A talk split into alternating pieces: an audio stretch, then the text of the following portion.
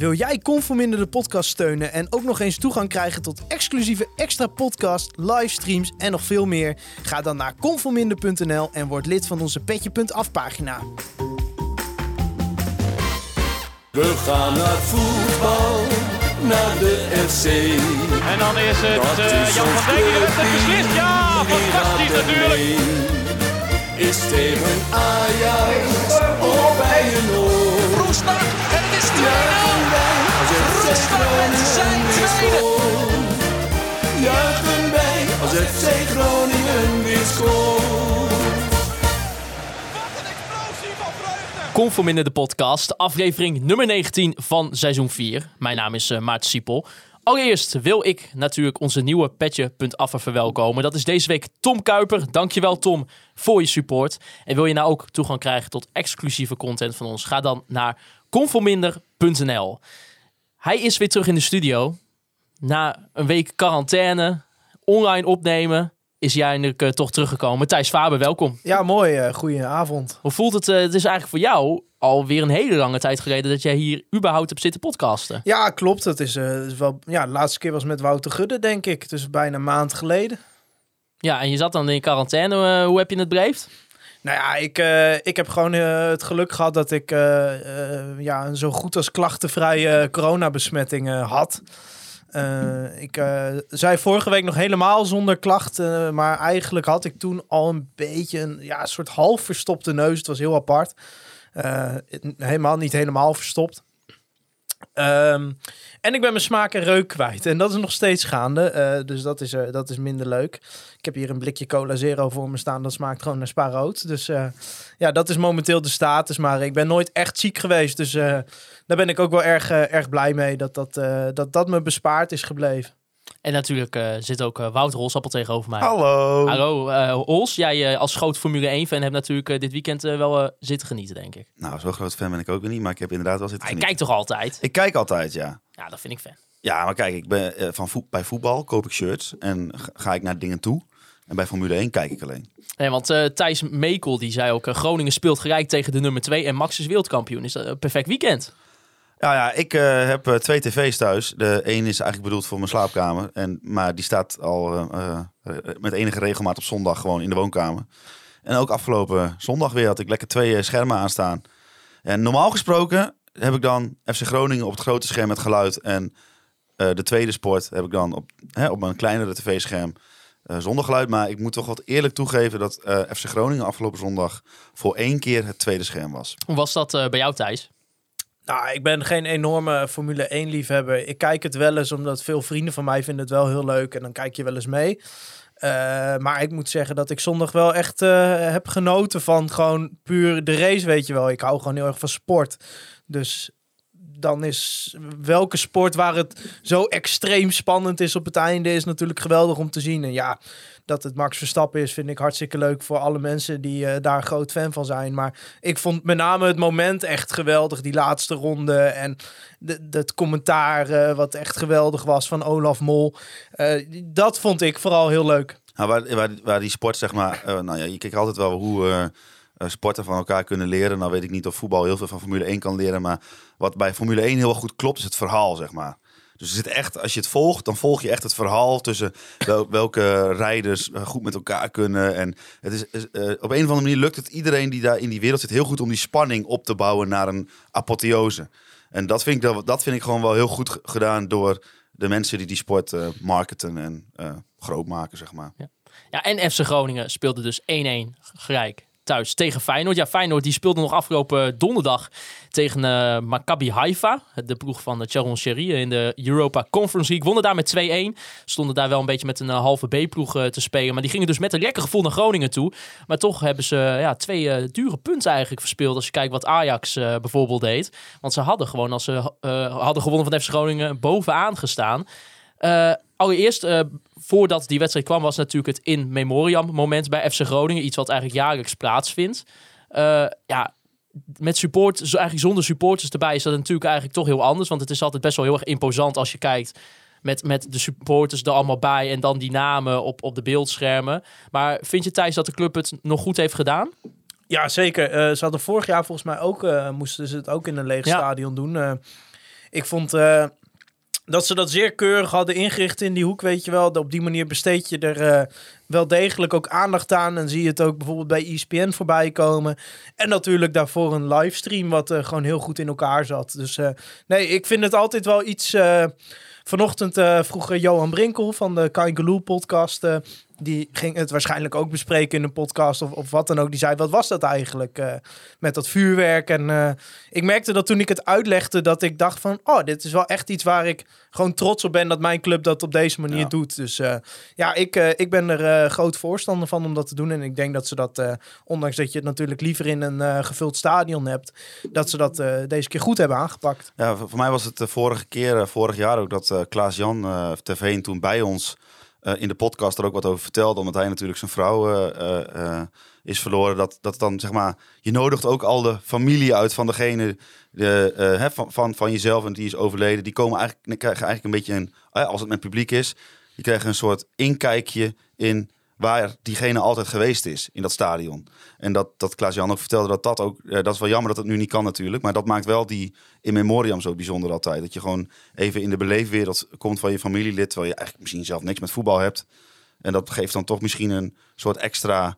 eh, ja, maakt, maakt het, het verhaal van het verwerken misschien een, een stuk... eh, ja, ik, wil, ik weet niet of wak- makkelijk het goede woord is... maar het geeft er een extra lading aan. Ja, absoluut. Nou ja, weet je, het is natuurlijk wel zo. Het is ook een soort van heel surreëel. Want er zitten duizenden mensen in een stadion zitten ook te klappen voor de persoon die jij dan dat jaar verloren bent. En inderdaad, voor die persoon die overleden is, is FC Groningen een heel belangrijk onderdeel geweest van, van zijn of haar leven. Ja, dat dan net wat je zegt, dan draagt dat denk ik wel heel erg bij voor, voor de nabestaanden Ja. als het gaat om, om het zo'n verwerkingsproces. En dat is ook iets wat Klaas-Jan natuurlijk eh, ook vertelde vorig jaar bij, eh, bij ons in de podcast. Hoe het niet alleen ook voor hem hielp, maar ook bijvoorbeeld voor eh, zijn schoonfamilie, die eigenlijk helemaal niet eens iets met voetbal hebben of überhaupt nooit in de Euroborg komen. Maar dat die ook dacht, dacht van jeetje, wat is dit, wat is dit prachtig dat dit zo ik, gedaan wordt. ik zag op het Twitter-account van eh Sjoerd-Jan Gispen dat de club ook shirts eh, Ja. aan de familie had gegeven met de naam van diegene erop. Volgens mij, toch? Ja, Ja, dus klopt. dat vond ik ook eh, echt tof. Ja, toch eh, eh, hopelijk volgend jaar meer met publiek. Ja. En mochten ze het nog een keer op deze eh, eh, keer doen, toch één klein eh, puntje van aandacht is dat even de communicatie met de stadion eh, DJ even iets beter moet op het Ja, moment dat was die- wel een beetje opmerkelijk inderdaad. dat er eh, eh, wat feestmuziek was, terwijl Wouter Geur die namen oplas.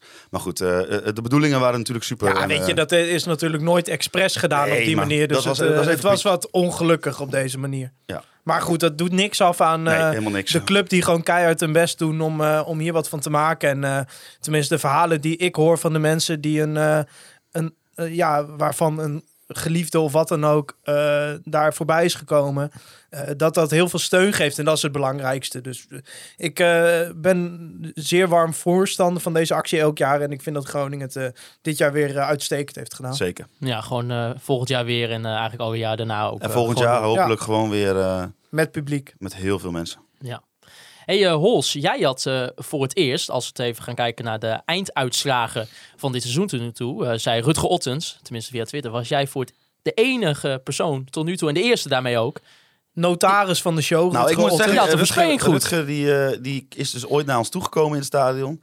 En nu ook gewoon op Twitter gewoon proactief zelf Ja. al laten weten dat ik het goed had.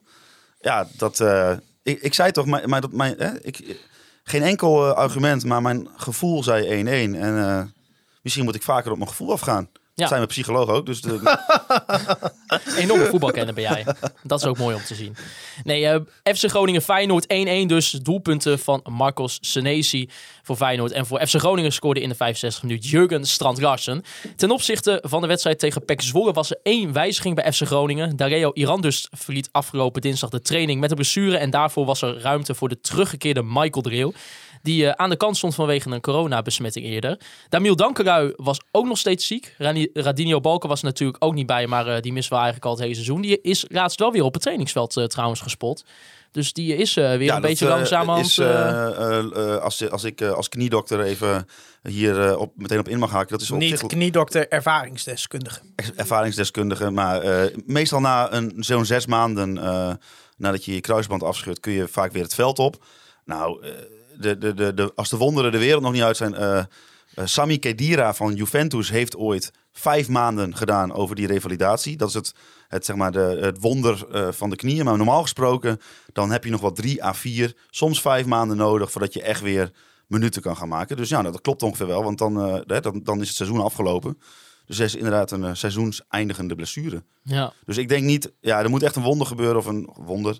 Het moet wel echt heel voorspoedig verlopen, wil hij nog minuten maken dit seizoen. ja, we hebben natuurlijk eigenlijk helemaal nooit over hem. En dat is ook niet zo gek als hij... we hebben nog nooit wat van hem gezien. überhaupt geen interview of, of wat dan ook. Maar het is natuurlijk ook Zullen we wel hem gek... uitnodigen in de podcast? Nou ja, kijk, eh, eh, nou ja, misschien wel. Ja, weet ik niet. Maar het is, het, is, het is natuurlijk wel heel gek dat je naar een nieuwe club gaat. En vervolgens krijg je zo'n blessure. En je bent gewoon het hele eerste seizoen van je contract ben je er gewoon uit. Ja, het is wel jammer, want eh, ik eh, was altijd wel gecharmeerd van hem bij Almere City. Dus Ja. ik, ik had wel graag gezien hoe hij het eh, ja, bij FC Groningen had gedaan. Maar ja, Dat is iets eh voor volgend seizoen. natuurlijk ongelukkig hoe dat Nou, voor hem is toch eh, misschien verlopen. nog die laatste wedstrijdjes. Je weet het niet. Nou Het ja. zou kunnen, maar het wordt wel heel krap. Ja.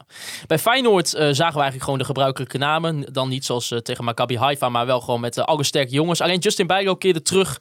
Hij was eh, nog, het was nog wel daarbij even de vraag of Kukcu en uh, Trauner fit genoeg waren. Maar beide spelers stonden in, de in de basiself. Ja, Thijs, eh, het was weer zuur bij jou op Twitter. Vrij zuur. Eh, één- Zeg ik terwijl ik de flessen azijn van eh Matthias Azijn, Griever, et cetera. Allemaal, staan op eh, de kast. Ja, ze glimmen mooi. Maar eh, Thijs, als ik zeg 1-1 tegen de nummer 2, hè, Feyenoord, sta, sta- staan er ook echt lekker op. Hè? Die doen het hartstikke goed dit Ja, seizoen. maar jij probeert mij nu iets in de mond te leggen wat ik gewoon niet bedoeld heb. Tuurlijk is 1-1 een goed resultaat tegen de nummer 2 van Nederland. Die dit seizoen gewoon indrukwekkend spelen, Feyenoord. Dus eh, dat is prima. Hè? Ja, Hè? Dan heb je het cliché, daar teken je vooraf voor. Maar wat ik aan de bal van dit FC Groningen zie, dat staat mij het huilen nader dan het lachen maar te Siepel. En dat is wat ik bedoel. ja eh, eh, eerst even over die opstelling natuurlijk. Ehm, het was natuurlijk al sowieso eh, in dat opzicht te verwachten als Iran dus weg ging vallen dat Michael Dreel weer Ja, minuten ging ja. maken omdat hij terugkeerde.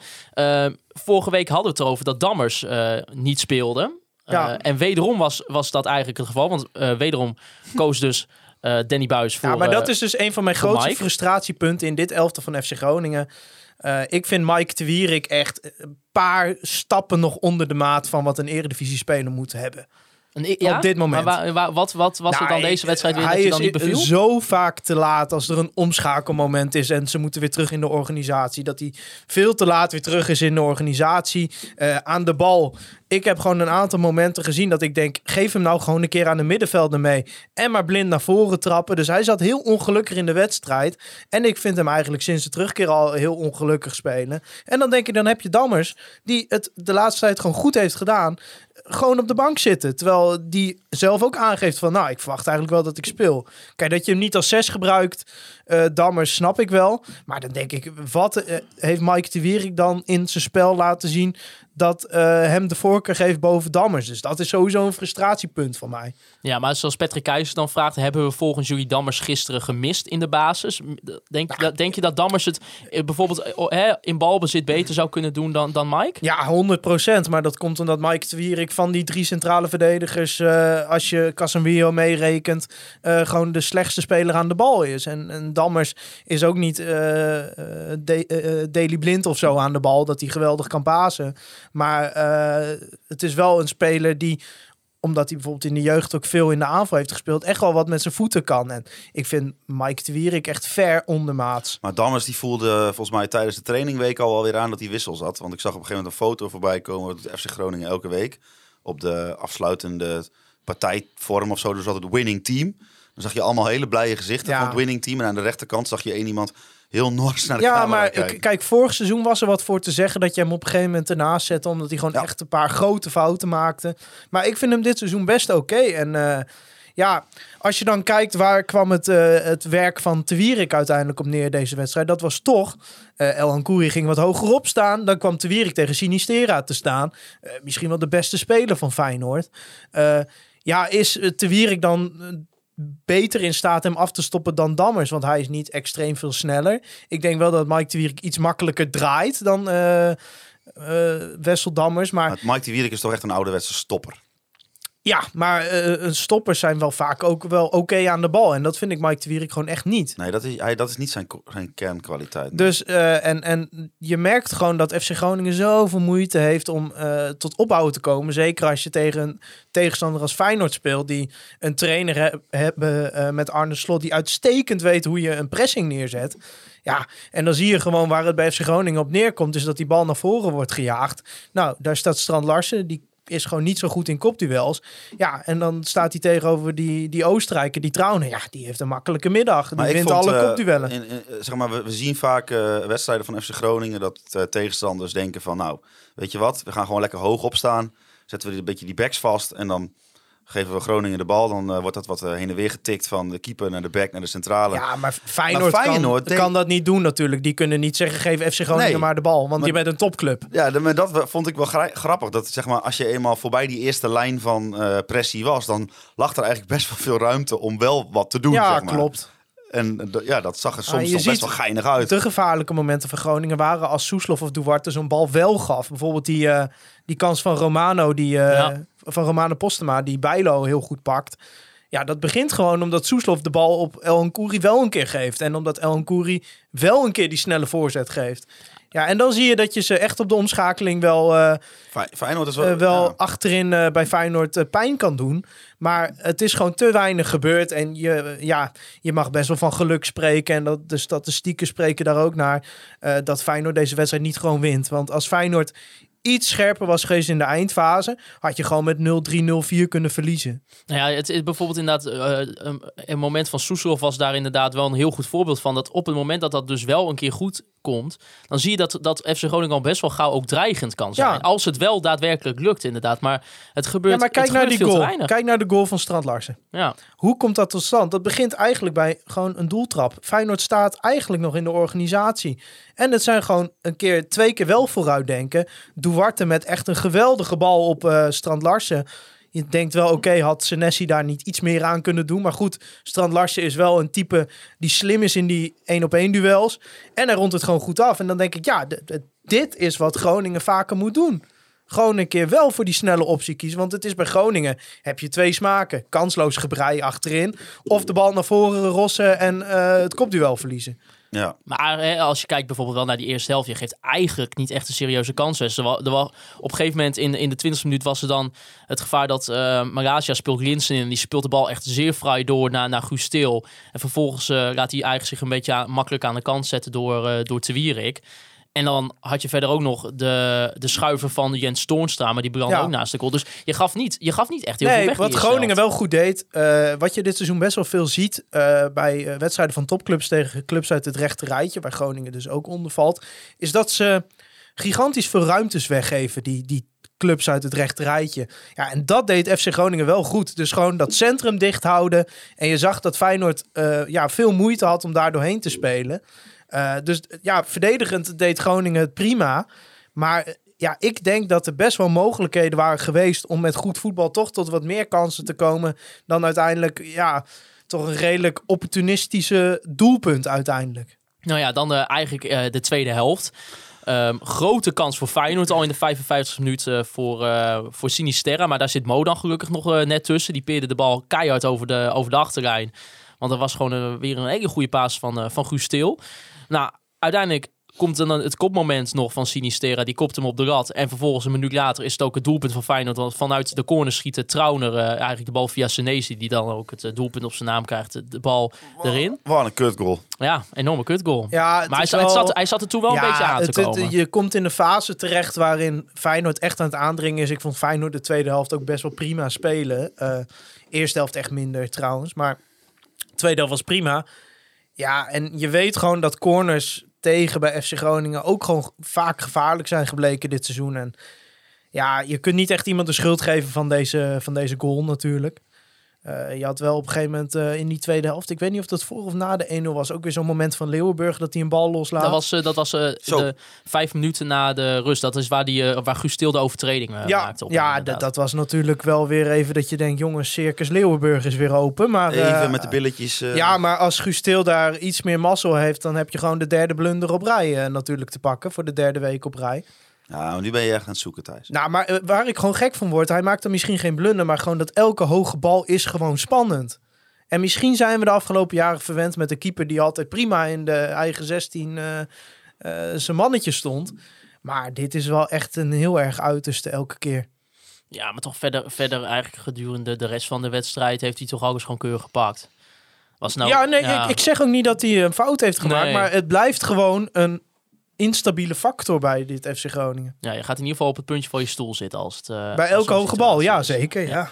Nou ja, dan eh, na het doelpunt van Feyenoord is het vijf minuten eh, daarna alweer tijd voor het doelpunt van Ja. FC Groningen. En daarvoor kunnen we even gaan naar de Ongarite Company moment van de week.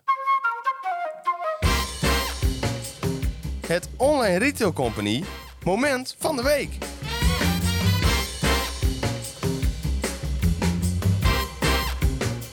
Ja, ons moment van de week gesponsord door onze grote vrienden van de Online Retail Company. Ja, eh, we hadden het er een beetje van tevoren voor de podcast over. Ja, eigenlijk is natuurlijk wat in memoriam wel een beetje het moment van de week. Maar het, het- dit gedeelte van de show dekt natuurlijk eigenlijk niet die rading. Eigenlijk totaal niet zelfs. Nee, want eh, wij, eh, nou ja, dat zullen we zo meteen ook weer gaan doen. Wij doen hier toch altijd een beetje lacherig over. En dat voelde voor ons raar als we dan zouden zeggen... ja, de in memoriam deed ons denken aan... en dan een product van de online retail company. Ja, zeg maar. nee, Dat, nee. dus dat, maar eigenlijk is dat het moment van de week. Omdat, zoals gezegd, FC Groningen dat gewoon heel goed heeft gedaan. Maar dat past niet in ons concept. Maar dat past niet in ons concept. Dus, Nou, dan. Maar ik denk, het was De- wel de- tijd om een speler in het zonnetje te zetten Ja. van, van de FC. Ja, ik vind eh, de paas, Ja, van Duarte. de paas van Duarte, vond ik eh, Die was goed, het hè? moment van de week. dat was echt een goede paas. En eh, ook een beetje eh loon naar werken voor Duarte... die gewoon al een aantal weken goed bezig is. Ja, ja dat, dat was heel gek. Maar ik, ik zag die goal, weet je wel. Die, die, die goede paas. En dat, toen kreeg ik gelijk iets in mijn hoofd. Oh nee, nee, echt? Ja, ja Oh, en ik, echt? ik moest gelijk weer denken aan een, aan een webshop van de Ongarite. Komt niemand, Ah, die hebben dus heel Ja, veel webshops. Ja, Eh, van, dus ik dacht, hé hey, joh, ik, dit, dit doen we denk ik gewoon aan die Intex Quick veel high output elektrische 220 volt pomp. Want kijk, op het moment dat... eh, Wat voor pomp? Nou, zo'n Intex Quick veel high output elektrische 220 volt pomp. Oh, niet die journalistpomp. Nee, niet, Nee, nee, nee, niet nee, William nee, pomp. er, er zit geen William pomp bij. Maar kijk, weet je, op het moment dat je zo'n En deze pomp loopt ook niet op, loopt ook niet op alcohol. eh, n- zover ik weet niet. Dat staat niet in ieder geval bij de beschrijving. Hij, moet, hij is echt elektrisch. Oké, oké. Maar kijk, weet je wat het is? Op het moment dat jij een luchtbed koopt, dan heb je natuurlijk ook wel zo'n pomp nodig om, om dat luchtbed hè, ideaal te Ja. laten verlopen. En dat was natuurlijk met Raros Duarte ook wel zo, want die geeft die paas perfect Ja. op Strand Larsen. Nou, en ik vind ook wel, de, eh, we mogen misschien ook wel even wat, wat een shout-out doen naar, naar Raros Duarte. Ik denk dat het, misschien is het tot dit seizoen nog niet helemaal geweest wat iedereen hoopt. In de zin van iedereen hoopt echt hè, een- een speler die, die, het, die het spel eigenlijk verdeelt, echt de, nou, van voren de bal beweegt. Maar Ja. Dat, ja, dat komt eigenlijk met dit FC Groningen is dat tot nu toe heel erg lastig. Maar je ziet wel echt al, dit seizoen heb ik denk ik echt al heel veel momenten gezien dat je wel ziet dat Raros Duarte is, kan echt een hele goede voetballer voor de toekomst van Groningen zijn. Weet je wanneer hij nog beter was geweest? Nou? Als hij een goede zes naast zich had. Ja, ja. ja. Maar, ja, maar ik, ik bedoel, we mogen toch ook wel eens... Ik denk dat Duarte nog niet heel erg vaak besproken is per se in, in de opperste positieve zin. Nee, en dat is ook, het is ook niet alsof hij elke week een 10 haalt. Maar Nee. eh, ik eh, denk wel dat we daarmee een speler hebben, mits er een goede zes naast staat die het vuile werk opknapt voor hem.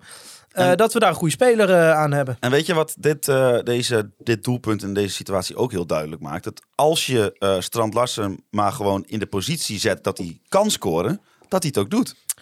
Ja, die Strand Larsen, dat is toch ook wel een redelijk fenomeen aan het worden. Dat hij in een ploeg die amper kansen creëert, gewoon in de laatste vijf wedstrijden vier goals maakt. Nou ja, kijk, ik heb het hier eh, volgens mij een aantal weken geleden ook al eh, gezegd. Ik, kijk, ik denk dat in, in, in principe is Jurgen Strand Larsen gewoon verreweg de beste spits die we bij FC Groningen hebben rondlopen, denk ik. in alles. ja, in, makkelijk, ja. Met zijn, met, hè, voor zijn lengte nog zijn snelheid, maar Ja. ook dus de lengte die hij heeft. eh, en ja, je zag het op dit moment. eh, Ik, ja, Ja. ik vind zijn lengte zit, hem in met zijn spel bijna eerder in de weg dan dat hij er voordeel aan heeft. Maar, ja. ja, misschien wel. Ja, maar ik, ik denk ja, en hij Nee, doet maar het nu even gewoon een weer voorbeeld, goed. hè, want we gaan, gingen er best wel snel overheen. Maar in de eerste helft komt er op een gegeven moment een gevaarlijke situatie van FC Groningen. Dat volgens mij El Koeri die bal voor eh, eh, jengelt. En dat, eh, die bal schiet door naar Bart van Hintem. Ja, en die schiet hem even heel hard over. Eh, wat ik dan denk is, je kiest tegen Feyenoord voor, en dat is terecht, eh, je focus je op je spel, het spel zonder bal. Want je gaat het Feyenoord zo lastig mogelijk maken. Wil je dan die wedstrijd winnen of gelijk spelen, dan moet je wel ongelooflijk scherp zijn voor de goal. en daar de nou, volwassen, verstandige keuzes maken. En dan zie ik Bart van Hintem die bal poeieren. Dat, dat, doen, dat, doen, dat doen mensen in de, in, in, in, in de zaterdag eh reserveklasse. Omdat ze dan denken van, ah, ik hem goed raken, is, is het een wereldgoal. En die blijven dat ook elke wedstrijd doen. Dan kun je honderd keer tegen ze zeggen. Maar zo zag dat eruit. Ik, dat, dat, dat dacht ik echt van, hoe kun je nou in zo'n wedstrijd tegen Feyenoord die beslissing nemen? Dat je gaat schieten daar. Ja, maar met Bart van Hinten blijft het. Kijk, hij haalt altijd een 6, maar hij zal amper eh, een 7 halen. En dan zie ik zo'n fantastische paas van Duarte. En dan zie ik hoe kalm en ijzig eh, eh, Strand Larsen die bal eh, binnenschiet. Alsof het een normaalste zaak is. Dan denk ik, kijk, gelukkig, ze, je, hebt, je hebt ze er nog wel bij lopen. Die gewoon weten van deze moet. En hij zit er ook in. Ja, maar even, ik zat laatst te denken over Van Hintem. Hè. Weet je, eh, alle respect voor hoe Van Hintem het invult. Wat ik zeg, hij is gewoon degelijk. Maar Ja. wij zeiden twee jaar geleden toen hij kwam, zeiden we al van ja, dus een backup, weet je wel. En dat logisch. En hij is ook, die staats heeft hij lang gehad. Hij heeft nog een tijdje centraal gespeeld, omdat het toen niet anders kon. Eigenlijk is het wel raar dat dat nu je eerste linksback is. Iemand waarvan je twee Ja. jaar geleden en terecht al zei, ja, eigenlijk eh, gewoon een backup. Dat is nu je eerste linksback. Ja, ja, nee, kijk, en ik Dat zegt toch een hoop van hoe deze selectie is opgebouwd. Ja, natuurlijk. Maar kijk, aan de andere kant denk ik ook van, hè, dat, dit is nu eenmaal de situatie. Oh, Oké, ik ben het met je Nou, dan eens. mag Da- daar da toch had- in het grotere plaatje wel kritiek op hebben. Zeker, maar weet je, ik, zoals het, hoe zoals het seizoen zich tot nu toe voerde, denk ik, ja, we kunnen in principe, en misschien is het in dat opzicht een beetje gênant, want we hadden denk ik wel een beetje gehoopt dat we een andere linksback hadden gehad. Maar je kan dit seizoen op dit moment, vind ik wel uitspelen met Bart van Hintem en dan hopen, maar da- dat is dus hopen, dat, dat Jaya Kelly of eh Bjorn Meijer Nee, eventueel ik- ready ik- ik is denk voor dat het seizoen daarna. De tactiek waar de staf voor heeft gekozen in de voorbereiding, dat is met vijf verdedigers. Dan moet je een linksback hebben die ook een eh, linksback-positie als linker wingback kan invullen. En dat heb je gewoon niet, omdat Jaya Kali is niet goed genoeg. Eh Bjorn, moment Bjorn. Meijer kan het ook niet invullen in die rol. En Bart van Hintem eh, is de, de speler niet naar. Ja, dan denk ik, dan moet je in de winterstop daar wel iets aan gaan doen. Want ik vind met Bart van Hintem op linksback en dat je eerste backup Jaya Kali is, die, ja, die is gewoon niet goed genoeg op dit moment. Ah, het is waar, Ik vind dat je dat eh clubstatuur FC Groningen, dat je niet met de 36-jarige linksback, eh, die eigenlijk al twee jaar waarvan je zegt, nou, die is ook gehaald als backup, vind niet dat je dat kan zeggen van daar zingen we het seizoen mee uit. Nee. Ja, het wordt natuurlijk ook voor Jaya Kerry in dat op zich wel interessant wat voor hem het traject FC Groningen wordt als er straks eventueel een nieuwe trainer komt. Hè? Oh, ik denk dat hij een soort Stroenk Jacobsen traject ingaat. Ja, de, ah, Thijs, dat is toch veel te vroeg. Je hebt, nog niks, je hebt nog niks van die jongen gezien. Nou ja, je spreekt ook wel eens iemand die hem wel eens wat vaker heeft gezien. ja, nou, ik wil hem niet afschrijven. Ik denk... eh, Nee, ik zeg, ja, dat zeg ik toch ook niet. Jij vraagt wat Ja, maar voor jij traject- zegt- jij- jij jij- zegt wat voor traject. Nou, Ja, maar jij noemt... Niklas Ja, Jacobsen. maar- ja, maar- Volgend jaar verhuren Ja, maar- we hem aan Epsberg en je hoort er nooit meer iets van. Dat denk ik. Jij vraagt wat voor traject. Ja, Nou, ja, ja, dat kijk, denk ik. ja, eh, ja, Thijs eh, Faber de technisch directeur van FC Groningen was, dan had hij dat met Jaya Kelly gedaan. Nee, want eh, als hij... Misschien is hij wel goed genoeg. Weet je, ze zullen hem echt niet zomaar gehaald hebben. Maar Nou op ja, het moment... dat, dat, dat, dat, dat, dat- Je, je hoort wel eens wat. eh, te je hoort wel eens wat. Is dat eh, mensen die hem in Zweden hebben bekeken, die zeiden al van, nou weet ik zo niet. En mensen die hem eh, wat vaker zien dan ik, die hebben hetzelfde gevoel. Dus ja, Ik als zeg je go, nu, ja, ja. ja, maar jij stelt aan mij de vraag welke traject zie je voor je? Nou, Niklas Stroenk Jacobsen. Mooi. Hey, eh, dan even over de invalbeurt van Romane Postema. Wa- Want er kwam een vraag binnen van Christian. Die vroeg, Postema heeft nog steeds het zeer moeilijk om eh, zich te laten zien in de eredivisie. Is het misschien niet verstandig om hem weer een half seizoen te verhuren aan een keukenkampioen divisieclub? Hij was natuurlijk eerste keus hè, Ja. tijdens, tijdens de voorbereiding. Ja. En het leek ook wel even zelfs zo te zijn dat hij gewoon Jurgen Strand Larsen eh, ging vervangen in de basis 11. Maar het, het is eh, nu het seizoen een beetje voor. Het is het wel, eh, moet hij het wel maar doen met, nou, wat is ja, het, is elke keer rond de geblesseerd, 10 ge- hij is ook minuten. weer geblesseerd geraakt. Ja, niet, niet fit. Dat heeft iets wat Danny Buis Ja. ook zei. Van Romano kan niet 90 minuten spelen. Ik vind dit eh, een uitstekende luisteraarsvraag. Ja, ik ook. Ik had, er nog helemaal, ik had er nog helemaal niet over Want het is wel een nagedacht. beetje lastig. Hè? Want, Ja, ik want zit- zien jullie Romano Ja, Postma maar Ik heb je dan- meteen met van, kijk, eh, eh, Den Bos eh, eh, was in die zin een schot in de roos, omdat hij daar gewoon 125.000 wedstrijden kon spelen. Ja. Want ja, die kunnen er toch geen kloten van. Dus Jouw woorden. iedereen met twee benen Wel die waar. staat daar in de Samen basis. met Jis Hoornkamp Ja. in de spits. Iedereen met twee, met twee benen die werken staat daar in de basis. Eh, eh, ik denk wel dat het lastig Ik wordt hoop om... niet dat de reservespelers van Den Bosch hier naar deze podcast luisteren. Kleine kans. Ik, het is wel lastig, denk ik. Eh, Je hebt niet de garantie dat als je nu weer naar een eh keukenkampioen-divisie team stuurt, dat hij weer direct in de basis staat. Er moet toch weer, hè, die mensen zijn al een half jaar bezig met elkaar. Eh, dan moet je hem wel eh, naar eentje sturen die niet zo goed is, zeg maar. Want je, als je hem nu naar de graafschap stuurt, dan zeg je ja, het, is je, goed. je moet dus een club kiezen die wel enig niveau heeft, maar die ook een spits nodig heeft. ja, dat, ja. Dat is lastig. is wel, Als je, als je het al zou doen, hè, want in principe eh, heb je naast Strand Larsen alleen nog Michael Leeuw dan. Ja, nou ja, daarom, ik weet ook niet of het vanuit Maar ja, je ziet het wel bij. Dallinga dat het kan snel gaan als iemand vertrouwen krijgt. eh, dus Ja, ja, nou ja, dit, het- ik vind het, het is niet een, het is inderdaad gewoon eigenlijk een hele goede vraag. Want Ja. het, begint, het begint natuurlijk wel langzamerhand wel weer zo te zijn. Ja, oké, als ja, je echt niet je hebt eh, gaat spelen. ook het risico dat je krijgt wat je nu met Slor en Van Kaam hebt. Ja, Dat ze amper spelen, er eh, echt niet aan te pas komen. Ja, dan van kun je, Kaam iets meer dan Slor. ja, maar dan kun je ze beter houden. Ja. Dan eh, was er nog een vraag van eh, Tony Harkema. Die had iets over het gedrag van Soeslof. Die zegt, Soeslof is zo'n goede voetballer. Hij heeft dat theatrale gedrag echt niet nodig. Doodzonde. Viel dat jou ook op tegen Feyenoord Ja. ja. thuis? Ja, ik, ik eh, hou van Soeslof. De voetballer Soeslof. Niet de mens? Ik ken hem niet persoonlijk, dus geen idee. Maar eh, Nee, je, zegt, je zegt het even bij omdat je niet wil laten overkomen dat het een liefdesverklaring is. nou, het is in, eh, qua voetballer is het wel een soort van liefdesverklaring, want het is wel een geweldige speler. Dat gezegd hebben, ja, dit moet gewoon stoppen. dit moet gewoon stoppen. Maar ik heb Want dit, dit- ja, maar dit kan niet. Dit was even. Dit is even Nee, maar mijn- de commentator gaat het opvallen op een moment. Als, als ik niet voor FC Groningen was, dan had ik echt schuimbekkend hier nu gezeten over die Soeslof. Van, Nou, als je wel voor FC Groningen bent, zit jij hier ook regelmatig schuim. ja, maar niet over een speler die zich aanstelt. Want ergens in, Maar in dit- je clubhart vind je dat ook wel Ik- leuk. Maar het werd op een gegeven moment wel een Als beetje het gênant. spel stil lag, keek ik niet, want dan was ik naar de autootjes aan het kijken. Wat is dat? Wat was de? Wat? wa- eh, eh, praat me even bij. Wat, Nou, wat, wat deed hij? er waren gewoon een aantal momenten dat hij in duel kwam. Hij, als hij verdedigend middenveld speelt, komt hij natuurlijk wel eens in duel. Ja, en dan bleef hij liggen alsof hij net een doodschop had gehad. Dan denk ik, nou, nou komt het in de herhaling en dan raakte hij hem niet eens. En dat gebeurde wel drie, vier, vijf keer. En je zag ook echt, Feyenoord-spelers waren zich er gewoon terecht ook aan aan het ergeren. En we hebben natuurlijk bij Go Ahead was hij ook al bezig laatst. Ja, het is, eh, misschien hoort het bij zijn spel, maar het is niet iets waar ik graag naar kijk. En hij heeft het inderdaad, zoals de vraagsteller zei, ook niet nodig volgens mij. Nou, misschien, Ja. heeft, misschien heeft hij het wel nodig. Ik, ik, ik, om Ja, ik weet niet, ik vind het wel irritant. om ja, heel maar ja, kijk, weet je, hij, eh, hij is natuurlijk iemand die neemt absoluut geen genoegen met het niveau van FC Groningen. Nee. Die gaat eh, binnen nu in een paar jaar een stap maken. En die ziet al die spelers in die competitie, ziet die vallen, glijden, liggen, gillen, janken. En eh, daar eh, eh, eh, eh, basisspeler mee zijn bij grote clubs. Dus ik snap wel dat als je dan jong bent en je ziet dat, dat je denkt van, nou ja, ik doe dat ook, punt. Ja, ik vind het irritant. Maar ja, weet je, het is uiteindelijk wel gewoon een Groningen speler. Dus het is ook niet alsof ik eh er wakker van lig. Nee. Maar, ik heb trouwens, ik, ik, ik heb niet het idee dat hij heel veel druk voelt. Als ik hem zie dan, hè. Ik kan, ik Ja, kan maar niet kop gast- kijken. Kijk, ik denk dat je we nu al kunnen vastleggen. Ik denk niet dat we Thomas Soeslof, eh, dat hij een verandering gaat ondergaan waarin hij niet meer dat theatrale gedrag komt doen. Nee. Alles wat ik van die jongen tot nu toe heb gezien, dat straalt alleen maar uit.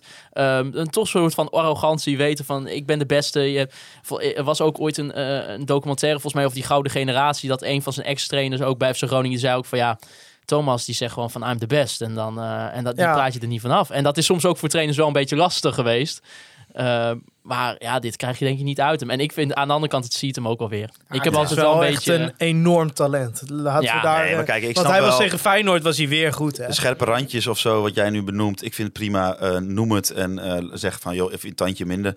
Maar je moet hem ook niet te veel uit zijn eh, comfortzone halen. Die, dit is gewoon wie die is. Nee, prima. Maar de zesde keer als hij op de grond ligt, dan denk ik, ja, het zal wel, Thomas. Ja. Maar ik denk, de- de- ja, als je in het stadion zit, vind je het prachtig.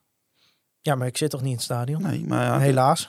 als, als, als je daar met eh 15.000 man naar zit te kijken, dan denk je van, lekker, blijven liggen, jongen, blijven liggen. Ja, nou, ik... eh, ja, weet je, nogmaals... eh, Jij wordt- jou- vind, jij- voor- vind ja, het, ik- vind het niet In de eerste... vreselijk dat hij het doet, maar het is wel irritant. We hebben dit in de eerste periode, maat, en hebben we dit ook geconcludeerd. Maar dat niet in een stadion naar FC Groningen kijken, dat is echt niet goed voor Thijs, hè? Nee, nee, maar dat, weet je, dat zien alle mensen op Twitter ook. Ik bedoel, ik schaam mij elke week weer voor Thijs Faber want in een stadion kunnen wij nog zeggen van... Hey, Thijs, doe je telefoon even weg, weet je wel. Dan, één keer in de zoveel tijd luistert hij zelfs ook nog naar ons. Het is, echt, het is echt maar goed geweest dat die goal erin ging. Hoor. Want de tweets die ik toen in gedachten had... Joh, ik wilde echt dingen zeggen als schande voor de voetbalsport en zo. Ja, terwijl ik weet zeker als we eh, eh, deze wedstrijd eh, eh, in het stadion hadden beleefd. Hè, en eh, eh, Groningen speelde nou ja, aan de bal. Het was net alsof de bal van lava was. Dus die moest zo snel mogelijk weg. Anders dan eh, deden voet, voetjes pijn. Maar eh, eh, de, de, de arbeid en de strijd die is geleverd om dat punt over de streep te trekken. Dat was feest geworden op Noord. Ja, maar even Dat serieus. was eenmaal helemaal losgegaan. Laten we gewoon even naar de situatie kijken. hè. Wat is voor mij een reden om naar FC Groningen te gaan? Is gewoon leuk om naar het stadion te gaan. Hè? Je maakt mooie dingen mee in het stadion. Eh, je maakt dieptepunten mee als je een keer dik verliest in eigen huis. Dat gebeurt gewoon als FC Groningen supporter. Just een keer een biertje in je nek. Ja, nu zit ik eh, op de bank. Ik zat nog in isolatie omdat ik corona had. In mijn eentje eh, naar de tv te kijken. Een leeg stadion waar FC Groningen elke keer als de bal kreeg de bal weer weggeschoten. Ja, dan denk ik op een gegeven moment ook van waar ben ik nou eigenlijk naar aan het kijken? Ja, en, en die, in die emotie, dan ga je wel eens denken, nou, hoe komt het dat het zo slecht is? En ja, dan sla je daar inderdaad ook wel eens even in door. Ja, met, nee, eh, maar, wat je zeg maar waar bij mij zegt. Waar bij mij zeg maar, het geval is dat, je, dat ik af en toe wat vaker mijn gevoel moet volgen, zou het bij jou andersom beter zijn, zeg maar. Ja, ik, ik, Nou, wil, FC Groningen is wel een uitlaatklep van nou, ja. ik wil vooral gewoon Sjoerd Faber, hè, de vader van Thijs Faber, die luistert elke week trouw. Ik, ik denk, ik zou zoals een Die neemt oproep ons heel willen doen. serieus. hè? Nou, ik, ik denk, weet je, je hebt op van die basisscholen en middelbare scholen heb je ook zo'n telefoontas, toch? Weet je, als je lo- lokaal in komt, dan doe je hem in zo'n tasje. Ik denk dat als FC Groningen speelt, dat Sjoerd dat ook maar eens even voor thuis moet doen. ik denk dat het voor iedereen op Twitter beter zou zijn als, eh, als dat eh de gebeurt. telefoontas voor thuis. Ja, ik denk dat dat eh, een zeer goed idee is. Eh Thijs, toch, ik, ik, we hebben dan een gesprek gehad over deze wedstrijd. Ik denk, ja, oké, ik snap jou wel. eh, weet je, aan de bal was het weer niet best. Eh, maar je speelt wel gewoon 1-1. Je geeft eigenlijk best wel heel weinig weg. Ja, waar, waarom dan die zuurheid, Faber? Want het is toch uiteindelijk dan gewoon toch prima. Moeten we tegen, P of moeten we tegen Feyenoord maar dit zeg jij nu, maar wij verliezen woensdag van Excelsior en zaterdag verliezen wij van Heracles. En dan zeg jij volgende week weer tegen mij, ja, je had gelijk. Thijs. We kunnen er ook geen kloten van. Pas Want op, deze manier ga jij niet van Excelsior Pa- winnen. Thijs, en op. op deze manier ga je niet van Heracles winnen. Er staan nu eh, drie flesjes azijn op die kast. Maar ik ben bang als jij zo doorgaat dat Matthias volgende week met een tanker eh, langskomt. Ja, maar even serieus. Het is gewoon echt... Wij zijn een van de slechtst voetballende ploegen van Nederland in het betaald voetbal op dit moment. Ik zie in de keukenkampioen-divisie ploegen die aan de bal meer brengen dan FC Groningen. Ja, maar god, wij hebben ook tegen Helmond Sport gespeeld. En die rolden we met 4-0 op. Ik bedoel, weet je wel dat... Het wordt een hele lastige avond in, eh, op Woudenstein. Dat ga ik je nou al vertellen. Ja, ja, maar... En dan lig je we- uit de beker en dan speel je helemaal nergens meer voor. Nou, die emotie, daar zit ik in op dit moment. Nou ja, Ja, ik dacht nog van het is maar goed nieuws dat die wedstrijd niet uitgezonden wordt. Maar nu moeten we alsnog naar die wedstrijd gaan kijken. Ja, Ja, ja, maar voordat we naar die wedstrijd gaan, moeten we het even hebben over het derde shirt van FC Groningen. Oh. De mystery box werd vorige week aangekondigd. Eh, Kraantje Papi. mag ik eerst wat zeggen over eh, mystery box? Ja, Wat, wat mystery, wat is dat in het Nederlands? een, ja, een mysterie Ja, doos. mysteriedoos. Een- In ieder geval, ik zou het een mystery box Maar zou het omschrijven als een doos waar Stel, mysterie ik zit. bestel morgen zo'n doos, Ja. dan weet ik al wat erin zit. Nee, nee, dat is, nou, dat is niet de bedoeling. jawel. Is niet de bedoeling. Hoezo? Je ziet toch morgen het shirt? Ze gaan toch morgen het shirt, morgen dinsdag het shirt Nee, bekendmaken? dat denk ik niet. Dus je koopt niet. Oh, Koop ja, je. oh, kijk, oh, ja, dit is wel interessant. Want- kijk, ik denk al dat je de grap wilde maken naar de uitgerekte foto. Maar ik ga er eigenlijk vanuit, als, je, Nee, als je mij vraagt... nee. Ik ga ervan uit dat als je die mystery box koopt... Dat kijk, op een gegeven moment gaan mensen hem posten op, op eh, Twitter, Instagram, gewoon op social Nee, media. ik Maar denk het dus niet. Ik denk dat, ik dacht, mij leek het dat het... Nee, volgens mij maken ze morgen om 12 uur dat shirt bekend. En dan kun je het kopen. Maar dan is het toch geen mystery box meer? Nou, ik ging is het gewoon een box. Ik ging ervan uit dat... Ik, ik ging ervan uit dat Heel er veel nog- mensen die dit luisteren, die, de- die doen dat na morgen 12 uur. Hè? Dus dat is wel. eh, die weten het Maar al. twee uur gaat hij in Ja. de verkoop, toch? Of twee uur. Eh, Weet ik niet. Maar eh, ga Nou verder, ja. want je hebt wel gelijk. We kunnen hier heel lang over emmeren, maar het is nu al eh, half tien. Voordat mensen dit geluisterd hebben, is het shirt al bekend waarschijnlijk. Ja. Maar Ja, nou in ieder geval, de mystery box werd Maar wat ik dus wel mooi vind, is dat er dan komt zo, is er dan zo'n filmpje van eh, eh, eh, Kraantje, die dan die boksen. kraantje papi. Kraantje Papi, die die boksen aan iedereen overhandigt. Aan zijn En op vrienden. een gegeven moment zie ik een wat kleiner kalende man, waar hij dat shirt aan overhandigt. En dat is dezelfde die ook op Twitter dat shirt al aan had. Ja, want die dacht, eh, weet je wat? Ik ga naar de Basic Fit op maandag. En ik denk, Nee, dat is een personal trainer. Ja, dat is de personal Ja, trainer ja. van Kraantje Papi. Ja, nou, Is die dat, ging, is dat confirmed? ja, Ja, nee, ja, ja, ja. ja, dat weet ik. Ja, die, die ging naar de Basic Fit en die dacht, ik trek dat nieuwe shirt aan. ja. En terecht, want je krijgt dat shirt. Ja, tuurlijk. Nou, vervolgens verscheen hij op Twitter en is de hele mystery weg, want het derde shirt is nu dus compleet uitgerekt. Nou ja, Eh, ja, compleet. Ja, compleet Er zat- er uitgerekt. zat nog een sport, eh, sporttoestel tussen. Ja, maar we konden in ieder geval alle belangrijke dingen zien. Eh, Ivo Nieborg die zegt, wat vindt de KVM modepolitie van het nieuwe derde shirt? Nou, dat ben jij. Mochten de gerekte foto's kloppen en wat vinden jullie van de manier van presenteren? Nou, ik pak even het shirt erbij, zo ook nog even voor jullie op de laptop. Ja, Ehm, ja, we kunnen dus in ieder geval zien een eigenlijk een beetje een soort van regengroen ehm, shirt met eh, de klassieke twee FC Groningen banen eh, in het zwart. Eh, met wat oranje accenten in de kraag en eh, bij de mouwtjes. En het, eh, ook het logo van Robij is eh, in oranje. En bij de mouwen kunnen we dus zien een patroon van de gele straatsteentjes van... Dat is onze vrije interpretatie. Nou ik ja. moet zeggen dat ik een aantal maanden geleden door de wandelgangen liep en iemand mij aan mijn jas trok en mij een beschrijving van het shirt gaf. Ik had hem nog niet gezien, maar Nee, dat ik wel redelijk voor ogen had hoe dat shirt eruit ging zien, laat ik het zo zeggen. Eh, dus ik, ik had hem al gezien en ik vind de kleurcombinatie eh, best leuk eigenlijk. Ja, Maar is het eh, eh, eh, eh, de, de, de kern van dit shirt? Is dat het shirt of is dat het verhaal eromheen? Dat het zeg maar limited edition en zo is. Nou ja, het is ontworpen door Kraantje Papi, dat is het verhaal. ja, kijk, Heeft hij het zelf ook getekend, zeg maar? Hoe moet ik dat zien? Of is hij gewoon met een ontwerper gaan zitten? Hoe werkt, hoe werkt zoiets? Ik weet niet precies hoe het gegaan is, maar ik liep in diezelfde wandelgangen. en dat hebben we het echt al over een jaar geleden. En daar trok weer iemand mij aan. me- Het is wat, hè? Je kunt er Ja, nooit meer door de wandelgangen Nee, lopen. dat is wel, En daar fluisterde iemand mij in. Eh eh, Kraantje Papi gaat het derde shirt van Groningen van volgend seizoen ontwerpen. Dus jij wist dat al een jaar. Je hebt ons helemaal niks verteld. Nee.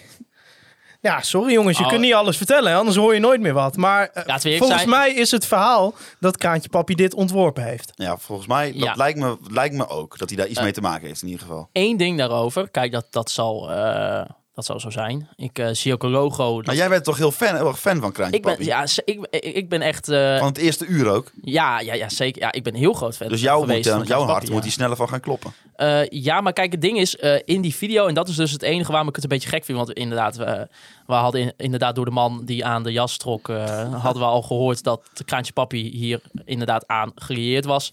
Maar in geen één van de video's zegt hij van, dit is mijn shirt, dit heb ik ontworpen. En dat vind ik wel een beetje gek, want nu komt het een beetje als het... Misschien oh, komt de- nog. nou, op de vraag van Ivo van hey, hoe, hoe vinden jullie hoe het gepresenteerd wordt? Ik zag dat een, een aantal mensen werden- helemaal gek dat Kraantje Papi nu elke dag eh, gaat zeggen dat je die mystery box moet kopen. Nou ja, ik, ik, zou dat, ik zou hetzelfde ook hebben gedaan. Ik bedoel, dat is vet toch? Maar in geen één van die video's zegt hij van dit heb ik ontworpen, een vet eh, samenwerking met FC Groningen. Het komt nu een beetje om me over. Oké, Kraantje Papi was gewoon de eerste die het shirt mocht zien. Ja, En dan denk ik, waarom? ja omdat hij dus heeft ontworpen. Maar, Ja, ik maar dan verwacht dus dat ja. ze dat. Ja, maar ik verwacht dus dat ze dat dinsdag, dus morgen voor ons, dat ze dat dan bekendmaken. Nou ja, dat, dat, Ik denk dat dat part of the surprise is. ik hoop het. Ja, Onderdeel ik, eh, van de verrassing is Maar wij gewoon, hebben het erover, Hij heeft dus, het ontworpen. En dan, ja, en ja, dus iedereen die, die voor die tijd heeft geluisterd, die weet al dat het ontworpen is door Kraantje Dus het eh, feit dat zijn personal trainer hem al aan had in de sportschool, dat was geen onderdeel van de marketingstrategie. Had Nee. ik wel slim gevonden eigenlijk. Ja, maar dat denk ja, ik niet. ik, ik, ik Geloof... Echte grote bedrijven lekken altijd. ik geloof van niet. Nee, ik denk Nee. het ook niet. Maar kijk, ik vond het shirt... Ik, mijn eerste instantie was eigenlijk dat ik dacht... eh, ik vond het niet best. Ik vond eigenlijk ook eerst de straatsteentjes niet mooi. Eh, de- ik vond... Ja, mensen hoorde ik ook over Ja, wat het oranje... straatsteentjes, leg dat even uit. Nou ja, de, dat zijn de gele straatsteentjes van de, van de binnenstad Ja, natuurlijk. en die Eh, hebben ze op de mouw als een soort patroon gezet. Ja, maar ik moet wel zeggen, dus toen ik hem bijvoorbeeld... Die personal trainer van Kraantje Papi, die had hem aan. Ja, Toen vond ik hem wel vetter. Eh, en mensen zeiden ook van ja, maar bijvoorbeeld de kleur oranje heeft niks met FC Groningen te maken. Ja, maar jongens, een derde shirt. Ja. Kijk bij een derde shirt van elk team. eh, Kijk, als we een volledig oranje shirt hadden gedaan, dan had ik het ook wel twijfelachtig gevonden. Ja. En op deze manier is het een accent. Nou ja, ik vind het wel eh, wat fris hebben. Ik ga hem wel kopen. Ja, ik ben bang dat ik hem ook weer ga kopen. En dan eh, krijgt die club weer 67 euro voor mij. En dat shirt ga ik alleen aandoen tijdens een potje padel met, eh, met jou onder andere. Ja, en dat doen we één keer in de maand ongeveer. Maar ik ben bang dat ik weer onder de druk bezwijk. Dus eh, morgen om eh, twee uur krijgt FC Groningen BV weer eh, 67 euro van MK Siepel op, de- Ja. op de rekening, op de rekening gestort, ben ik bang. Jaap de Kleine die had ook nog een vraag. Die zegt, ja, afgezien van de vraag of hij mooi is... waarom heeft de FC überhaupt een derde shirt nodig? En dan ook nog pas halverwege het seizoen. Is het een fangeld uit de broek klop shirt? Nou, Mooie term. Kijk, uiteindelijk zit overal een commercieel belang achter. Eh, wij spelen natuurlijk geen Europees dit jaar. Nee. Dat kunnen we in ieder geval stellen. Eh, Ik vind het wel een beetje een zure insteek, als ik eerlijk ben. oh, dat is maar goed dat ik de zin die ik hierna in gedacht had niet uitspreek. Oh, Ik zeg, nou ja, we gaan natuurlijk maar één zeg maar, wedstrijd wat niet beker of eredivisie is spelen. Wat? Ja, play-offs degradatie.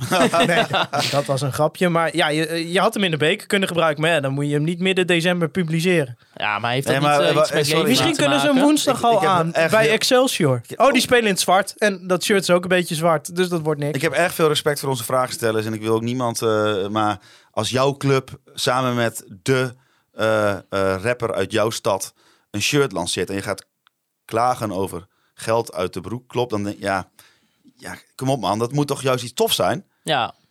Wat Ja, maar daarom vind ik dus wel dat er in ieder geval in de, in de aanloop naar eh, de mystery box van dinsdag, dat er in ieder geval iets toffer nog kon worden gezegd dat hij het, als, als hij dat daadwerkelijk heeft gedaan, dat hij, hè, dat hij ja. Ja. van dit is mijn shirt en dat, ik weet niet. Ik Ze hebben gelukkig geen verder Snapchat filters gebruikt. Nee. Het laatste ding wat ik nog wel een beetje gek vond op het shirt is dat het jubileumlogo staat er niet op. En ze hebben dus gekozen voor het, het ronde FC Groningen logo, wat we normaal gesproken op onze shirts hebben. Mhm. Maar je had eigenlijk toch het jubileumlogo in het oranje dan in dit geval moeten doen erop. Dat is toch raar? Zou het zo zijn dat ze um, echt een kalenderjaar willen doortrekken, dit derde shirt, en dat je daarom volgend seizoen Nou ja, maar wat... Ja, speel nou je ja, weer met het normale logo tussen Maar ja, weet je? Groningen die eh, voert dit hele seizoen het jubileumlogo als logo. Ja, Dus eh, ik bedoel, wij bij Oog hebben één keer volgens mij eh, dan dat eh, gewoon standaard logo. En dan kregen we wel een mailtje van, hey joh, eh, maakt niet uit, maar we willen graag op dit seizoen ons jubileumlogo eh Ja. voeren.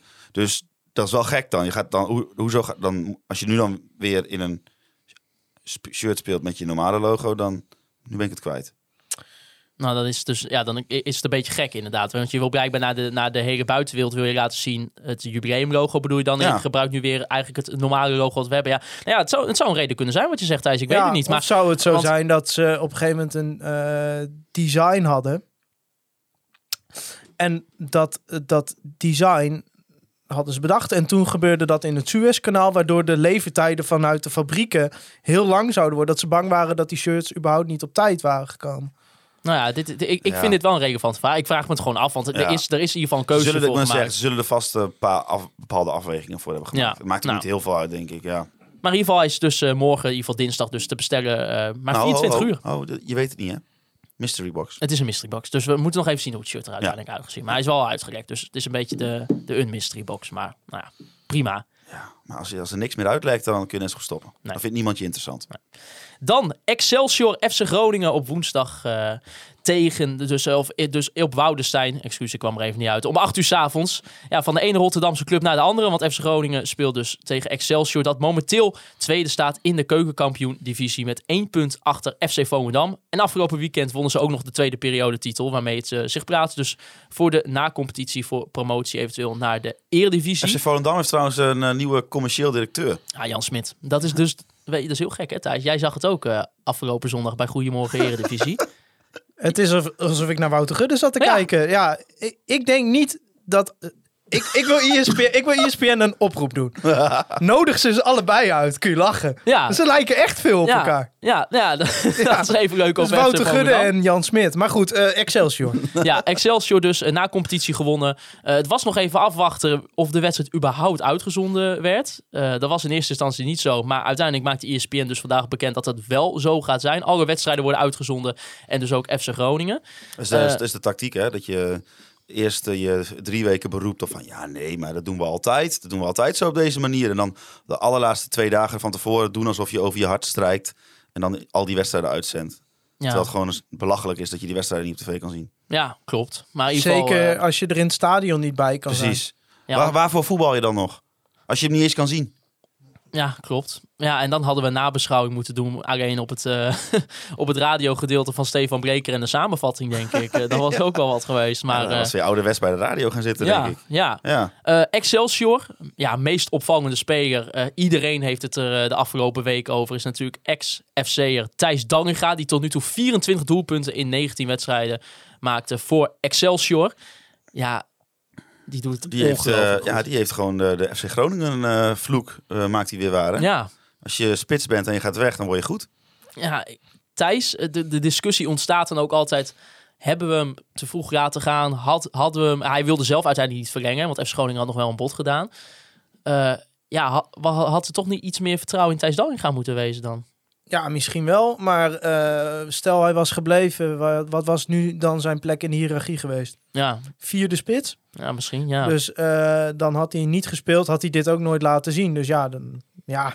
Het, het is gewoon soms heb je met een speler een situatie dat het voor alle partijen beter is als je uit elkaar gaat. En dit was zo'n situatie, denk ik. En eh, ik gun het hem van harte dat hij het goed doet Ja, bij mooi man.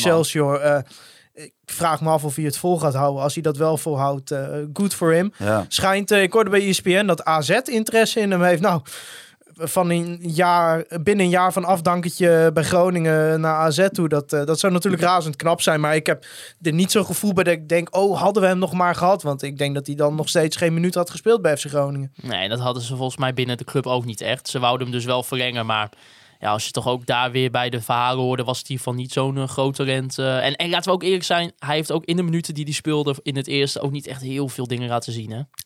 Nee, en het is natuurlijk wel zo dat Excelsior... eh, daar kwamen we zo meteen nog wat meer op... is een ploeg die best wel veel creëert. En best wel fris speelt.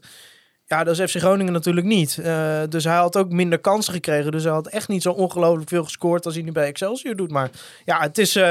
een gegeven moment begint het wel een patroon te worden. Hè? Kijk, hij scoorde toen een keer vier keer. Toen dachten we allemaal, nou ja, Maar ja, 24 goals in 19 wedstrijden, daar kun je niets van zeggen. Nee.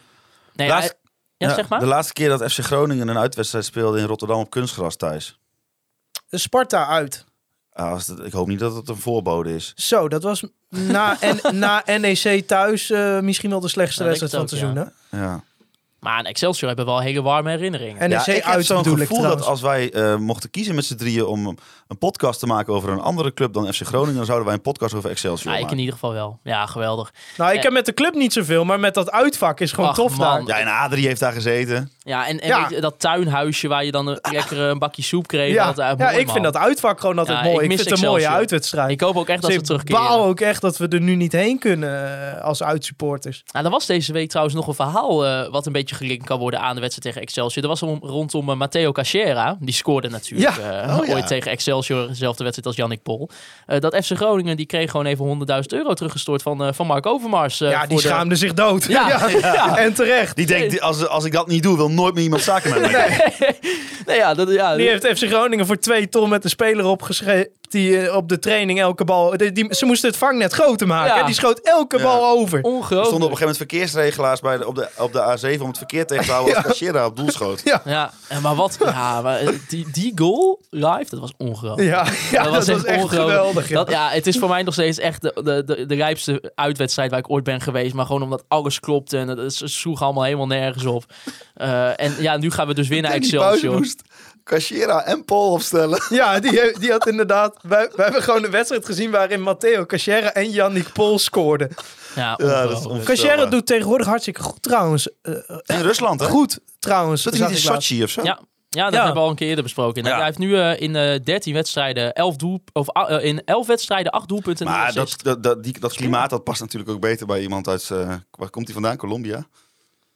Ja, Ja, dat is dat Russische klimaat. Ah, ik heb hè, het dat idee dat hij niet bij Sochi speelt voor het voetbal.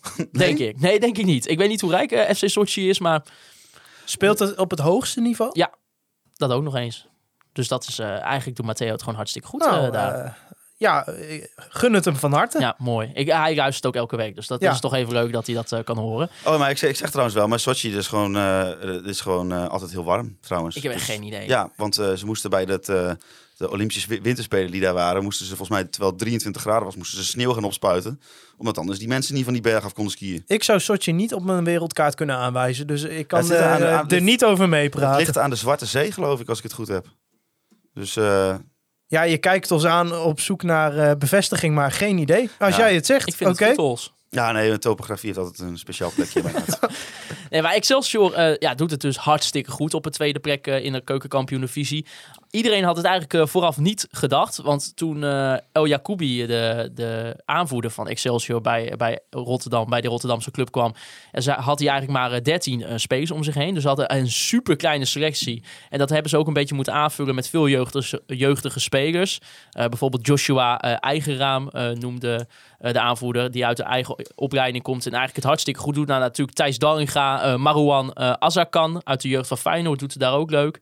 Ja, en, eh, maar hebben dus niet per se heel superveel ervaring eh, binnen de eh, ploeg. Ik zit even te kijken. Ze hebben nog Reuven Niemeyer natuurlijk. 7 doelpunten, 7 assist. Ja, en ze hebben Chacon uiteindelijk ook gehaald. Reuven Niemeyer nou echt zo'n typische speler die het eigenlijk bij elke keukenkampioen-divisie eh, club gewoon heel goed zou doen. En dan is de eredivisie vaak net even dat ene Ja, tikje te hoog, zeg maar. ja, maar in ieder geval, ze doen het dus eigenlijk boven verwachting heel erg goed.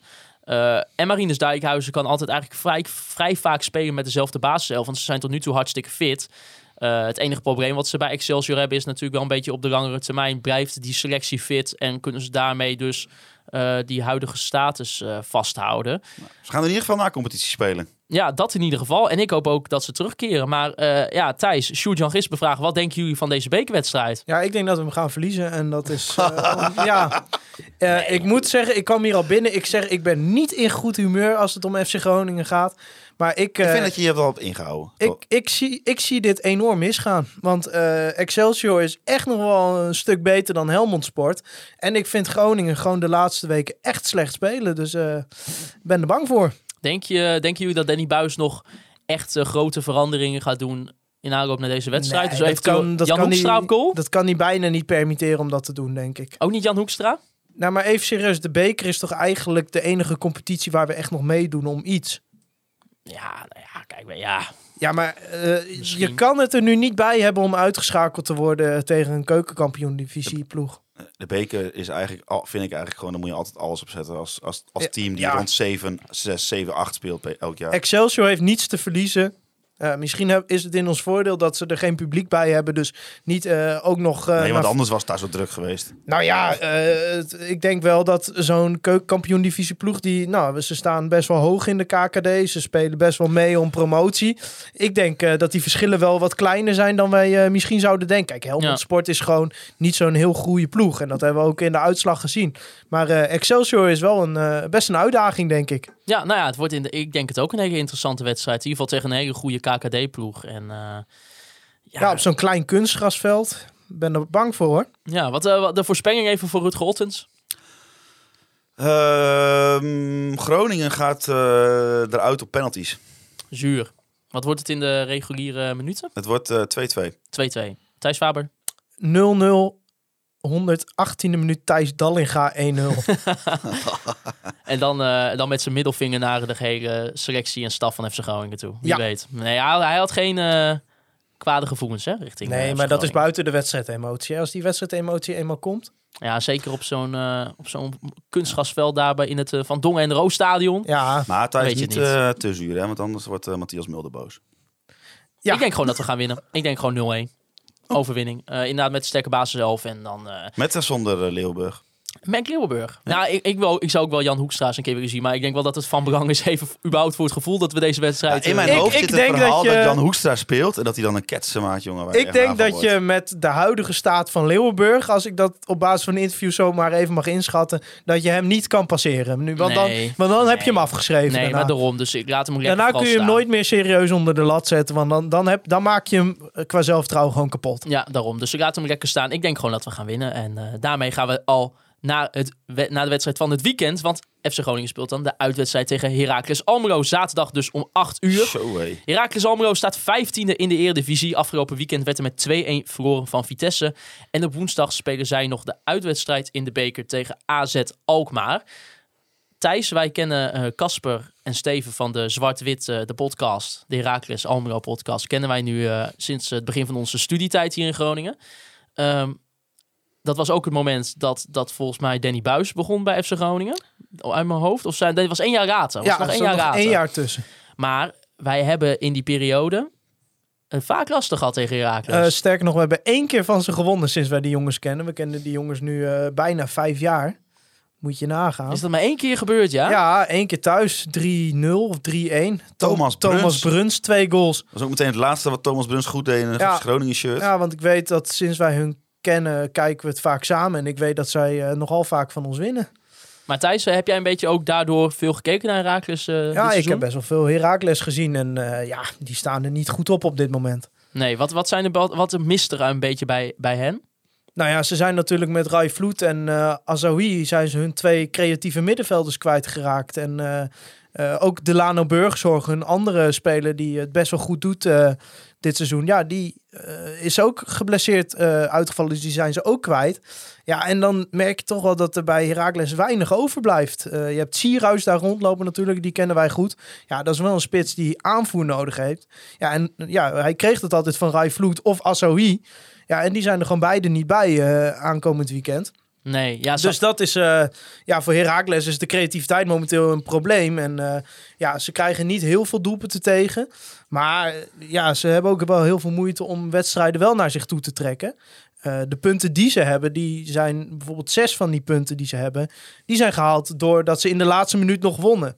Dus het is ja, niet het Heracles wat we de afgelopen jaren eh, gewend zijn. Nee, ik sprak ook eh, met Casper, of die had nog even wat, wat doorgestuurd ook voor, voor de podcast. Die zegt, ja, behalve Robin Prupper eigenlijk zijn ze helemaal niet echt belangrijke spelers kwijtgeraakt. Eh daar is geen, uiteindelijk geen ervaring voor teruggehaald. Maar uiteindelijk, nou, ze staan de verdediger het op zich wel beter voor. Ze krijgen in ieder minder doelpunten tegen.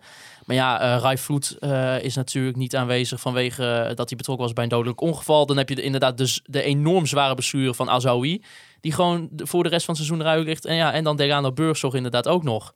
Ja, waar, waar moeten zij het aanvallen nu van hebben? Ja, van Sinan Bakis en, eh, en Kai Sierhuis. En ja, als Kai Sierhuis niets eh, voor de voeten krijgt, dan heb je weinig aan Kai Sierhuis, vind ik. Ja, dat zag je bij Groningen al. En eh, hij is ja, door de seizoenen heen wel beter geworden als speler. Maar het is nog steeds een speler die ja, enorm afhankelijk is van aanvoeren. En wat hij in de, wat in de box kan afmaken. En dat kan hij ook nog steeds wel goed.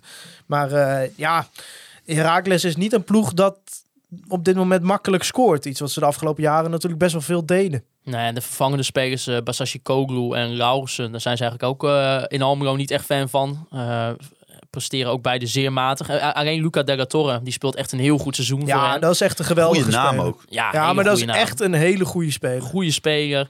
Ehm, ik vind ehm, in principe ja, Blaswieg vind ik gewoon echt voor de Eredivisie gewoon echt een topkeeper. Ehm, ik, ik ben ook stiekem fan van Guagliata, de Siciliaanse slager eh, aan de linkerkant in de Ook een verdediging. goede naam. Ja, Ja. Ik, ik ben ik fan van, maar die, die Ik ga- vind dat je eigenlijk ook de, in het eh, scoutingsproces moet je dat meenemen. Ja, moet spelers, oh, 100%. je moet spelers met goede namen 100 binnenhalen. Nou, hij is daar een goed voorbeeld van. Zeker. Wat zijn probleem alleen is, eh, is dat je echt... Dat hij niet kan voetballen. nou, nee, dat, nou, nee, ik vind weet- het ik- best wel een kijk. oké back. Ik ben al een vind het tijdje best wel stil. Ik kijk nooit naar Heracles. Dus succes jongens. Maar eh, ik vind het best wel een goede back. Alleen wat hij heeft, hij heeft echt een zaag één keer per wedstrijd. Dan verliest hij echt Ja. gewoon... Wie staat er op rechts bij Groningen? Nou, dat wordt dan de Ja, enkel Mo, van eh, Mo El Mo. Nkouri. Ja, ja, die moet gaan oppassen. Ik zou, want die heeft meestal die sokjes zo laag eh, staan, weet je, met die kleine scheenbeschermtjes. Ik zou misschien voor deze keer even wat grotere pakken, want die gast die gaat je echt één keer in de wedstrijd compleet door midden zagen. Eh, en Noah Fadiga aan de rechterkant van de verdediging eh, is oké. Ik vind die alleen een beetje, ik vind die, dat die verdediger nog wel een beetje stappen te maken heeft. Is Ja, ze misschien hebben niet heel helemaal- veel spelers die, als ze allemaal op hun top zijn, dan heb je met Heracles een leuke ploeg. Eh, maar ze zijn het allemaal vaker niet dan wel. Nee, ja, klopt. En, en maar eh, Frank Wormoed, eh, zijn naam eh, kan je natuurlijk linken aan, eh, aan Mark-Jan Verderes, want eh, die heeft hem immers binnengehaald bij Heracles Almelo. Denk je nog dat het eventueel een mogelijkheid zou zijn dat hij trainer wordt van FC Groningen volgend seizoen? Of zie je dat een beetje somber in? Want ook zijn contract loopt af. Eh, Van wonderen toch? nou ja, het is, eh, het is geen geheim dat Mark-Jan Vladeris en Wouter Gudde erg gecharmeerd zijn van Frank Wormoed. Eh, dat, eh, dat eh, hebben ze ook regelmatig gezegd. Eh, Tegen jou? Nou, jij was er ook bij. Gudde zei het ook. Dat is een goede trainer. Oh. Ja, jij was er gewoon bij. Ja, maar ik onthoud niet alles. Nee, nou, ik onthoud dat soort dingen Goed zo, altijd. Thijs. Ik, Ze onthoud, zijn er, waar, ik eh, onthoud waar Sochi ligt. En eh Vladeris heeft eh Wormoed natuurlijk ooit naar Heracles gehaald. Ja. En die steekt ook niet onder stoel of banken dat hij dat toen een goede trainer vond. Nou, als, er, eh, een- als er een longlist zou zijn, staat hij erop. Eh, ja, hij staat bovenaan. Dat is gewoon kandidaat nummer één voor Maar FC Groningen. Maar eh, ja, ik vind een goede trainer. Eh, ik denk dat het ook een trainer is die heel goed bij Groningen zou passen. En ervan uitgaande dat eh, het contract van Danny Buis niet wordt verlengd, wat ik zelf eh, eh, ga ik daarvan uit. Ja, ik zou dat een goede opvolger vinden. Oké. Nou ja, wie weet. in ieder geval voor ons altijd een hele lastige uitwedstrijd. dus zie je die dan ook een beetje somber in? Ja, absoluut. Eh, want Wormoed eh weet het toch altijd tegen Danny Buis goed neer te zetten. Ja, het is op goed. een of andere Ja. manier eh, zijn de, Crypto niet. bijvoorbeeld vorig seizoen waren onze twee slechtste wedstrijden Heracles thuis en Heracles uit. Dat is heel Zo, bijzonder. die thuiswedstrijd ook. Dat was echt verschrikkelijk. Ja, en dan was het niet eens dat er grote fouten werden gemaakt, maar toen was er gewoon echt niets voetballend. En eh, dat weet Heracles eh, ja, altijd in het FC Groningen van Danny Buis naar boven te halen. Dus eh, ja, ik ben er wel bang voor. krijgen in ieder geval wel een zware uitwedstrijd tegen AZ. Dus, eh, maar ja, dat geldt voor ons natuurlijk bij, eh, bij Excelsior ook wel zo. Maar eh, is dit wel een beetje misschien wel de laatste wedstrijd waar je echt de punten moet pakken voor de winterstop? Nou ja, kijk, AZ is nu de laatste tijd goed bezig natuurlijk. Maar je bent daar nooit kansloos uit bij AZ. Dus ik denk, het moet kunnen. Ik zie het niet Transfer. gebeuren, maar eh, ja. Transfertechnisch gok ik dat je ze beter eh, inderdaad voor de winterstop nog kan pakken. Want ik heb zo'n idee dat er bij AZ wel wat bij gaat komen. Ja, ja, en eh, dat je ziet nu dat een aantal van die vervangers die beginnen steeds beter te spelen. Dus ja, als je vooruit gaat kijken, is dat een lastige wedstrijd. Zeker omdat de wedstrijden elkaar nu razendsnel opvolgen. Dus eh, ja, nou ja, we gaan het wel zien. Maar ik- ja, ik heb er weinig vertrouwen in eigenlijk tot de winterstop. Dan wil ik toch voor Rutger Ottens wel jouw voorspelling weten. Voor Heracles? Ja. Eh, ik denk dat we daar met 2 nog gaan verliezen. Mooi. Eh, Wouter Holsappel. Ja, ik heb weer, ik heb weer een, eh, s- een sterk gevoel. Dus als de volgende aflevering als dat meteen weer gelogen straf wordt, dan zal ik ermee ophouden om dat te benoemen. Maar de, ik voel 1-3. 1-3. Voor Ja. FC Groningen dus. Prachtig, prachtig. Wie maken dan de ze, doelpunten? ze vliegen uit de beker en dan is dit eh, de, de bounce back. Ja, want zo gaat het al. Ja, nee, Strand Larsen is helemaal los. Ja, dus die gaat weer scoren. Ja. Ja, ik, denk, dat, dat, ik zie dat ook wel in. Ik denk dat, eh, dat Marco Rente, die gaat zich compleet vergissen in eh Strand Larsen twee keer. En dan, dan wordt het de grootste Strand Larsen show dit weekend. Ik ga met je mee. Ik, ik, denk, denk 0-3. trouwens wel dat, ik kan denk wel dat FC Groningen na de wedstrijd tegen Feyenoord niet meer op gewoon gras getraind heeft. Nee, nee, Met twee wedstrijden op kunstgras achter elkaar. nee, klopt. Waar, waar, waar trainen ze eigenlijk dan? Doen ze dat... Volgens mij kun je eh, op Corpus ook gewoon op kunstgras trainen. Oh. Ja, Maar volgens mij doen ze dat niet meer hoor, dat ze trainen op kunstgras. nee? Nee. Nee, want ik zit er gewoon na te denken, maar ik kan me, dat niet, ik kan me niet echt foto's herinneren op een andere locatie. Ja, dat ze eh, eh, heel vroeger deden ze dat aan de overkant van de snelweg. Bij, veel vroeger, een paar jaar geleden, bij Velocitas. Roostas, ja. Maar ze hebben nu ook een kunstgrasveld volgens mij tegen die kantine van Groen-Geel aan. Oké. Club- Clubgebouw. Wordt tijd dat we die rotzooi eens gaan verbieden, kunstgras. Ja, klopt. Ja. Dat Nou is toch altijd eh, als je naar Herakles gaat, dan zit je weer achter weer op kunstgras. Het is, Ja. gewoon, het is gewoon troep kunstgras en het hoort niet in het profvoetbal. Zeker niet in de Eredivisie. Dus jij was het eens laatst Thuis. met eh Dusan Tadic. Eh, als Dusan Tadic iets tegen kunstgras heeft gezegd, dan was ik het eh, ja, verrassend genoeg met Dusan Tadic eens. Ja, dat is wel echt een unicum. Ja, dat echt een unicum. ja, Wie niet toe stop kunstgras. Mooi. Dan Oh, nou, daar ben ik het helemaal mee eens. kunnen we toch nog een beetje eh, op een positieve manier eh, voor Thijs Faber eindigen, deze Ja. podcast. Hey, maar, eh, jullie kennen die jongens heel goed van de Heracles, Heracles podcast. Dus Ja. ik neem aan dat er een collab komt voor, als voor, voor de, de Petje.affers. Nou, mensen kunnen het inderdaad wel gokken dat de tegenstander van de week, zowel met Casper Rijmakers als met Steven Sierk is van, van de podcast. Daar ga ik mee zitten. hier denk ik zelf. Hè? Die gaan, ja, die gaan we gewoon hier opnemen. Dus, eh, en dan gaat zij alles vertellen over. We hebben Ik hier was al er een niet bij, preview.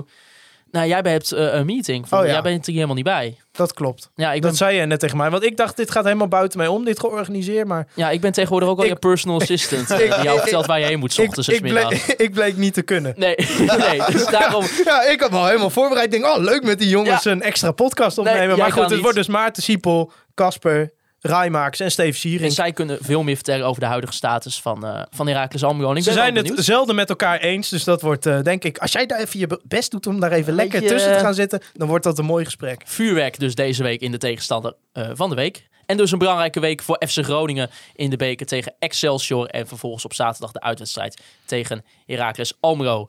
Jullie kunnen Conforminder de podcast volgen via Spotify, Apple Podcast en Google Podcast. Volg ons ook via al onze social media kanalen, Facebook, Twitter en Instagram.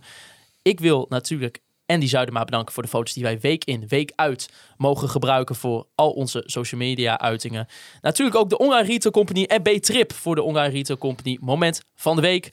Onze petje.affers voor het steunen van onze podcast. Hartelijk dank daarvoor.